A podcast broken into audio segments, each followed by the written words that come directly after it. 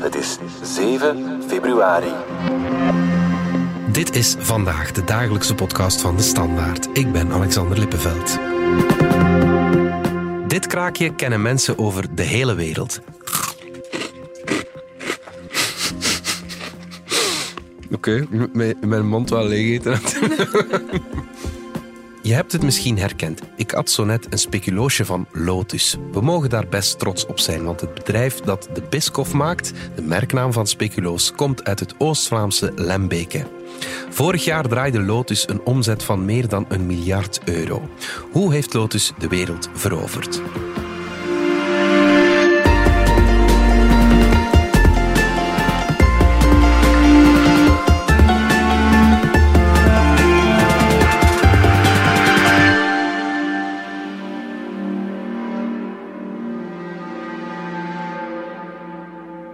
Ruben Mooiman van uh, onze economieredactie. Ik heb voor jou ook een speculoosje mee. Je mag kiezen of je het nu opeet of, of niet. Ja, mag ik hem tijdens ja, de uitzending ja, opzetten? Dat geeft ook leuke geluiden. Ja, ja, ja. ja.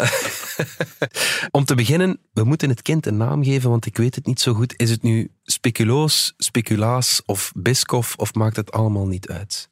Ja, het maakt wel degelijk uit. Mhm. Um, om te beginnen, het verschil tussen speculoos en speculaas is dat speculaas de Nederlandse benaming is voor het koekje en, en dat de receptuur ook een beetje verschilt. Uh, in Nederland worden er meer kruiden in verwerkt. Ja.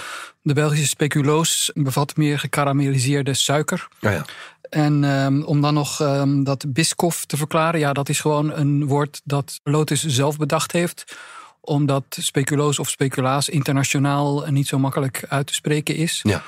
Um, dus daarmee hebben ze de wereldmarkt veroverd met het woord Biscoff. En hm. dat is een samentrekking van biscuit en koffie. Every coffee wants a Lotus Biscoff. Sinds wanneer noemen ze het Biscoff? Wel, ze zijn er eigenlijk al vrij vroeg mee begonnen. Um, want dat was de naam waaronder ze de koekjes in de luchtvaartsector ja, ja. aanboden ja, uh, in Amerika. Dus dat was al eigenlijk in de jaren tachtig. Ja, maar sinds een paar jaar staat het ook bij ons. Uh, ja, op de, op verpakking, de verpakking, zoals we kunnen zien, staat uh, Biscoff. En daaronder staat dan The Original Speculoos. Voilà, oké, okay, goed. Daarmee is het uitgeklaard. We zijn hier natuurlijk niet voor een koffieklets. Even luisteren naar CEO Jan Bonen van Lotus Bakeries bij de voorstelling van de jaarresultaten. It's a great day for our company, and I'm incredibly proud to announce that we have achieved a remarkable milestone 1 billion euros. It's quite a moment for our, our company. After 91 years, we have reached that milestone. Ruben, het gaat bijzonder goed met Lotus. Ja, het gaat uh, heel goed met Lotus, al jarenlang eigenlijk. Maar uh, deze week hebben ze dan um, weer een nieuwe mijlpaal bereikt. Namelijk de omzet die in 2023 boven het miljard is gestegen. Mm -hmm. En ja, dat is echt wel uh, een belangrijke mijlpaal die ze bereikt hebben. En de koers van het aandeel steeg ook meteen met um, 19 procent. Okay, ja. Dus ja, het bedrijf is meteen een stuk meer waard geworden ook. Ja, maar ja, maken ze ook veel winst? Want omzet en winst is natuurlijk uh, iets anders. Ja, ze maken heel veel winst. De winst is uh, vorig jaar ook uh, sterk gestegen met 23 procent. Dus ja, alles gaat voortreffelijk bij uh, Lotus. Ja, hoe uitzonderlijk is dat in het Belgische bedrijfsleven? Een omzet van meer dan een miljard? Wel, een omzet van meer dan een miljard is, is op zichzelf niet zo uitzonderlijk. Hm. dat, dat, er zijn wel meer bedrijven die dat halen. Maar het uitzonderlijke van Lotus is dat ze echt een enorm groeiparcours hebben afgelegd over de afgelopen decennia. En dat hun beurskoers ook echt geëxplodeerd is in die, in die tijd. Dus ja. dat, dat is het unieke track record van, van Lotus. Ja, vertel eens, die, een aandeel van Lotus, wat is dat uh, vandaag waard? Wel, nu is het meer dan 9000 euro waard. Okay. Uh, en het is uh, in 1988 naar de beurs gegaan voor, als ik me niet vergis, 33 euro. Oh, ja, okay. uh, het heeft dan heel lang ja, onder de 100 euro genoteerd. Maar sindsdien is het dus echt enorm in waarde gestegen. Moet ik dan aandelen in plaats van koekjes uh, kopen, zeg maar? Of uh, wat moeten we dan doen? Wel, ik heb, ik heb gisteren gesproken met een analist van KBC Securities die het bedrijf op de voet volgt. En uh, hij zegt van ja, nu kopen is eigenlijk niet zo verstandig. Hij heeft een houden advies. ja. Maar ja, aan de andere kant, dat wordt al heel lang gezegd, hè, dat die aandelen niet meer koopwaardig zijn omdat ze te hoog staan. Maar ja, elke keer stijgen ze weer verder. Dus ja, ja, ja. ja wie heeft de wijsheid in pacht? niemand, vrees ik.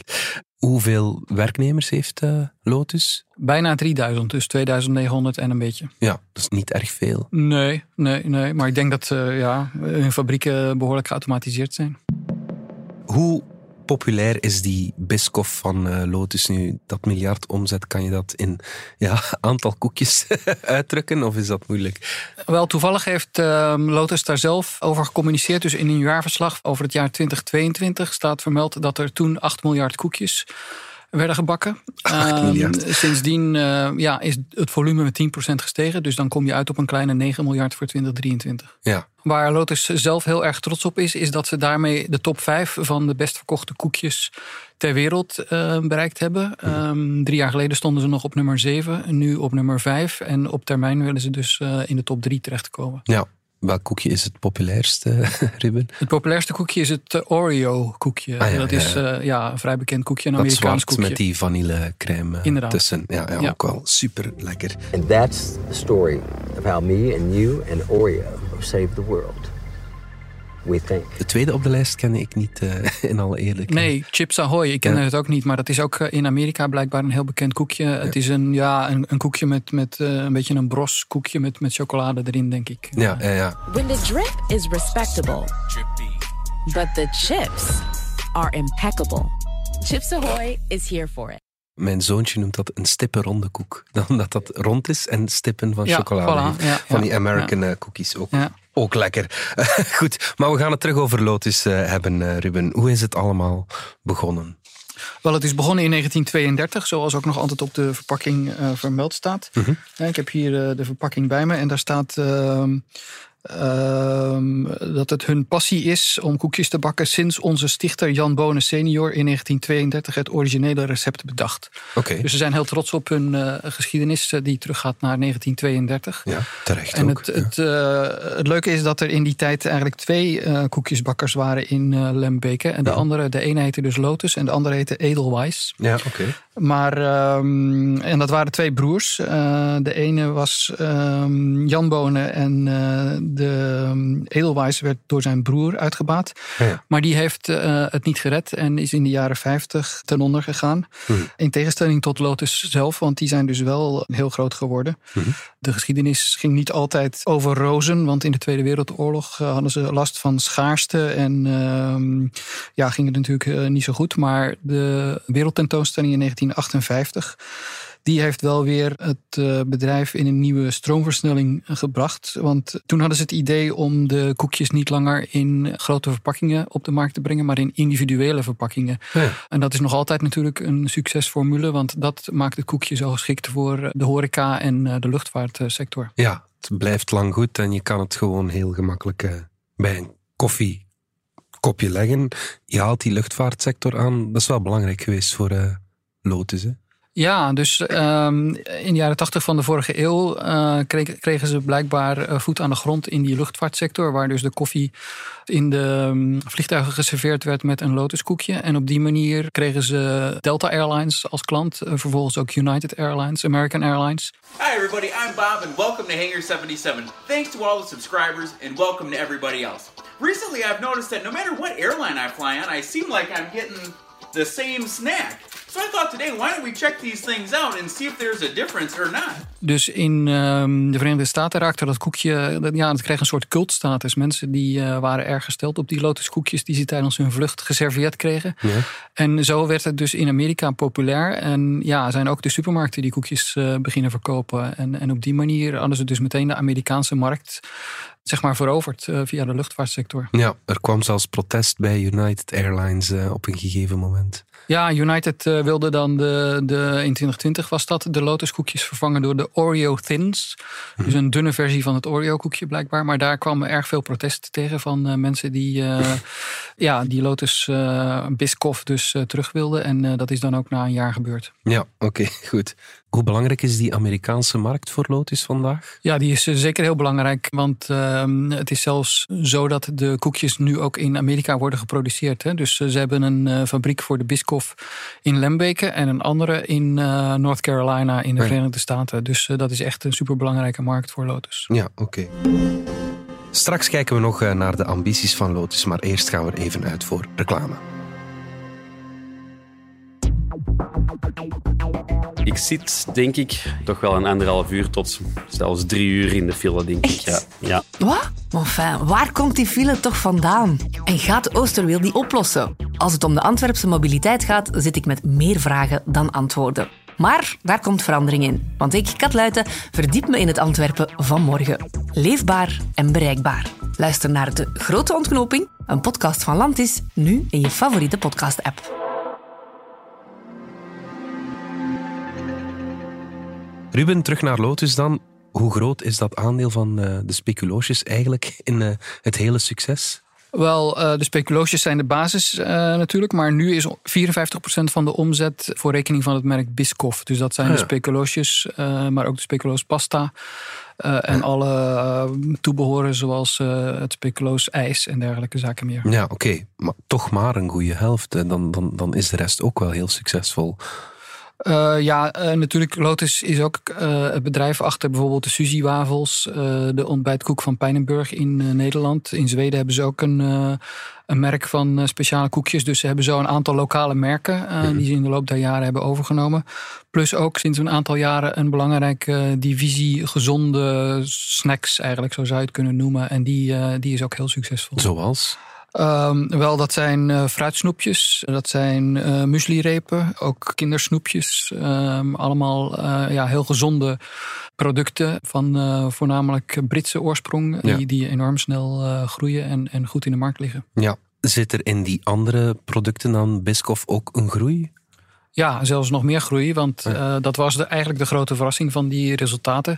Volgens KBC Securities, die omzet van 1 miljard, ja, die lag min of meer in de lijn der verwachtingen. Maar die groei van 25% voor de poot met de, de gezonde voeding, dat was echt wel een grote verrassing dat het zo hard gaat uh, Ja, ja, met die producten. Dus je ziet dat het bedrijf heel goed is in het maken van strategische keuzes, want daar zijn ze al mee begonnen met de aankoop van die gezonde producten in 2015, toen dat eigenlijk nog helemaal niet zo'n hype was. En nu plukken ze daar dus de vruchten van. En uh, ja, in de toekomst zal dat waarschijnlijk een uh, nog belangrijker activiteit worden, die natuurlijk inspeelt op de hele bewustwording rond gezonde voeding. Uh, ja, want natuurlijk, ja. ja. nu steeds meer mensen daarop gaan letten.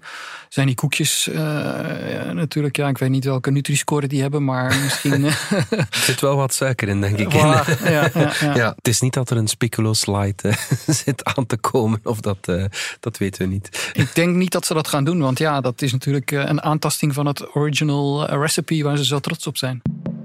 Nog even over die marketing, Ruben. Je zei het, belang van die luchtvaartmaatschappijen. Nu goed, dat is niet een heel hippe sector, zeg maar. Pakken ze het ook op andere manieren aan om hun producten aan de man te brengen? Ja, dus uh, bij de um, voorstelling van de resultaten hebben ze daar gisteren wel het een en ander over toegelicht. Dus ze zeggen van ja, de manier waarop we het nu altijd deden, uh, moeten we misschien een beetje herzien, want de wereld verandert. Uh, supermarkten uh, hebben te maken met concurrentie van e-commerce. de klassieke media hebben te maken met concurrentie van sociale media. Mhm. Dus ja, om mee te gaan in die hele beweging willen ze hun marketing ook um, ja, aanpassen.